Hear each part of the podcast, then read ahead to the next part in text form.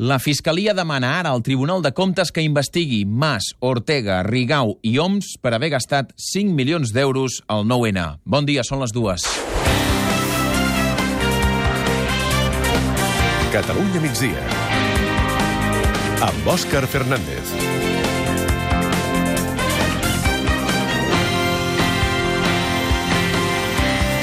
Quan l'expresident Artur Mas i els exconsellers Rigau, Ortega i Oms van ser inhabilitats i condemnats a pagar multes de milers d'euros per haver contribuït a fer un procés participatiu que el govern de Rajoy mateix es va dedicar a desprestigiar i menys tenir, tots van pensar que s'havia anat molt lluny, però que aquesta via quedava resolta. Doncs resulta que no. Avui la Fiscalia ha fet un pas més i ha demanat al Tribunal de Comptes que investigui la gestió de 5 milions d'euros durant l'organització d'aquell 9-N. En el seu dia, el càrrec de malversació de fons, el que comporta les penes més greus, va ser desestimat, però ara el Tribunal de Comptes podria condemnar-los a multes econòmiques com les que ja han hagut d'assumir. Anem a Madrid, Albert Calatrava, bon dia. Bon dia, sí. El Tribunal de Comptes inclou aquesta via administrativa, aquestes sancions si algun càrrec fa un mal ús de fons públics. La Fiscalia creu que hi ha elements per estudiar l'actuació de càrrecs de la Generalitat durant el 9-N, Mas, Ortega, Rigau, Oms i la despesa de més de 5 milions d'euros destinats al procés participatiu.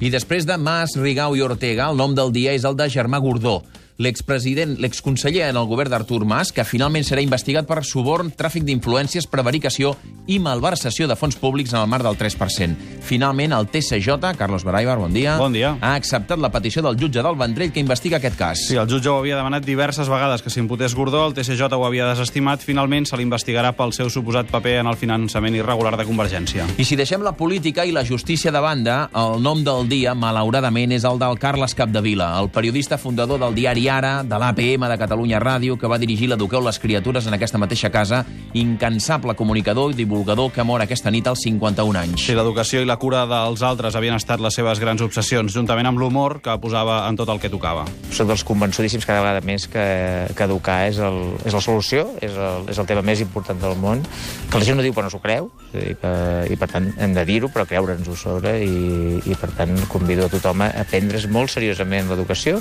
Recordarem la figura del Carles Capdevila, una d'aquelles persones que, tot i que no el coneguessis, t'empaltava del bon rotllo de simpatia. Passarem per les illes, també, perquè, segons dades de les quals ha tingut accés Catalunya Ràdio, almenys el 60% del lloguer turístic és il·legal. A les ciutats com Palma aquesta xifra s'enfila fins al 90%. Palma, Sara Riera, són dades preocupants d'un sector que està controlat principalment per Airbnb i HomeAway. Correcte, sí, i es descriu com un negoci professionalitzat, clandestí i que, òbviament, no paga impostos. Un dels prejudicis més importants, com deies ara mateix, és que està foragitant els joves de Palma. Es calcula que aquest col·lectiu, d'aquest col·lectiu d'entre 25 i 40 anys, a la majoria, el 80%, s'està veient ara mateix obligat a marxar fora de la ciutat per poder viure. I precisament avui ha arribat al port de Tarragona el primer creuer de Costa Cruceros que ha triat la ciutat de Tarragona com a port base. Rosa Pujol, bon dia.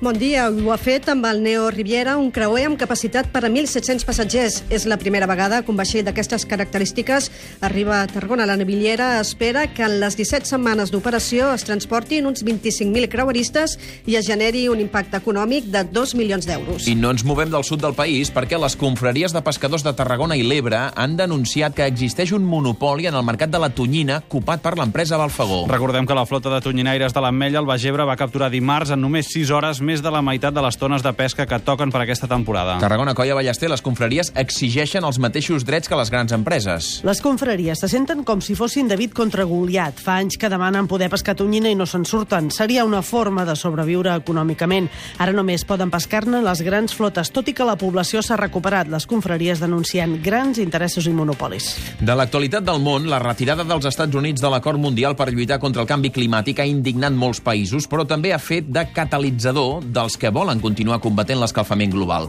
La Xina i la Unió Europea, per exemple, fan un front comú i així ho estan demostrant en la cimera que el reuneix a Brussel·les. Albert Elfa, bon dia. La Unió Europea i la Xina segellen un lideratge conjunt sobre la lluita contra el canvi climàtic, un pacte que, després que ahir els Estats Units es desmarquessin de l'acord de París, transcendeix el medi ambient i inicia una nova era en la que Europa pretén començar a decidir pel seu compte. Les dues potències afirmen que l'acord de París es continuarà aplicant perquè és necessari, és bo i és irreversible. I de la cultura, avui us parlarem de la primera plataforma digital de distribució de continguts en cinema i sèries de televisió íntegrament en català. Es diu Filmincat. I és una iniciativa de Filmin amb la col·laboració del Departament de Cultura. Disposa d'un catàleg inicial de 1.500 títols entre pel·lícules de ficció, documentals, sèries o curtmetratges. De l'actualitat del territori ja hem passat per Tarragona, que és el més destacat del dia a Barcelona, Quim Balaguer. Doncs que les multes a les prostitutes a Barcelona no han servit per reduir el nombre de dones que treballen al carrer. De fet, l'Ajuntament ha deixat de multar-les i l'any passat ja no va posar cap multa per exercir la prostitució. En canvi, va multar una vuitantena de clients. Anem a Lleida, Noelia Casellas. Absolen el pagès i activista de Balaguer Josep Pàmies de cultivar marihuana per a ús terapèutic. La jutge considera acreditat el consum propi i que no s'ha traficat amb les plantes. La Fiscalia de Lleida, que demanava dos anys de presó, recorrerà la sentència. I acabem avui a Girona, Maria Rovira. Si la construcció de pisos nous es reactiva a la ciutat de Girona, les principals poblacions de la Costa Brava també com Palamós o Roses, segons els constructors i agents immobiliaris. Els preus de venda han augmentat i això promou nous projectes. No passa el mateix a Figueres, per exemple, en una situació que consideren preocupant.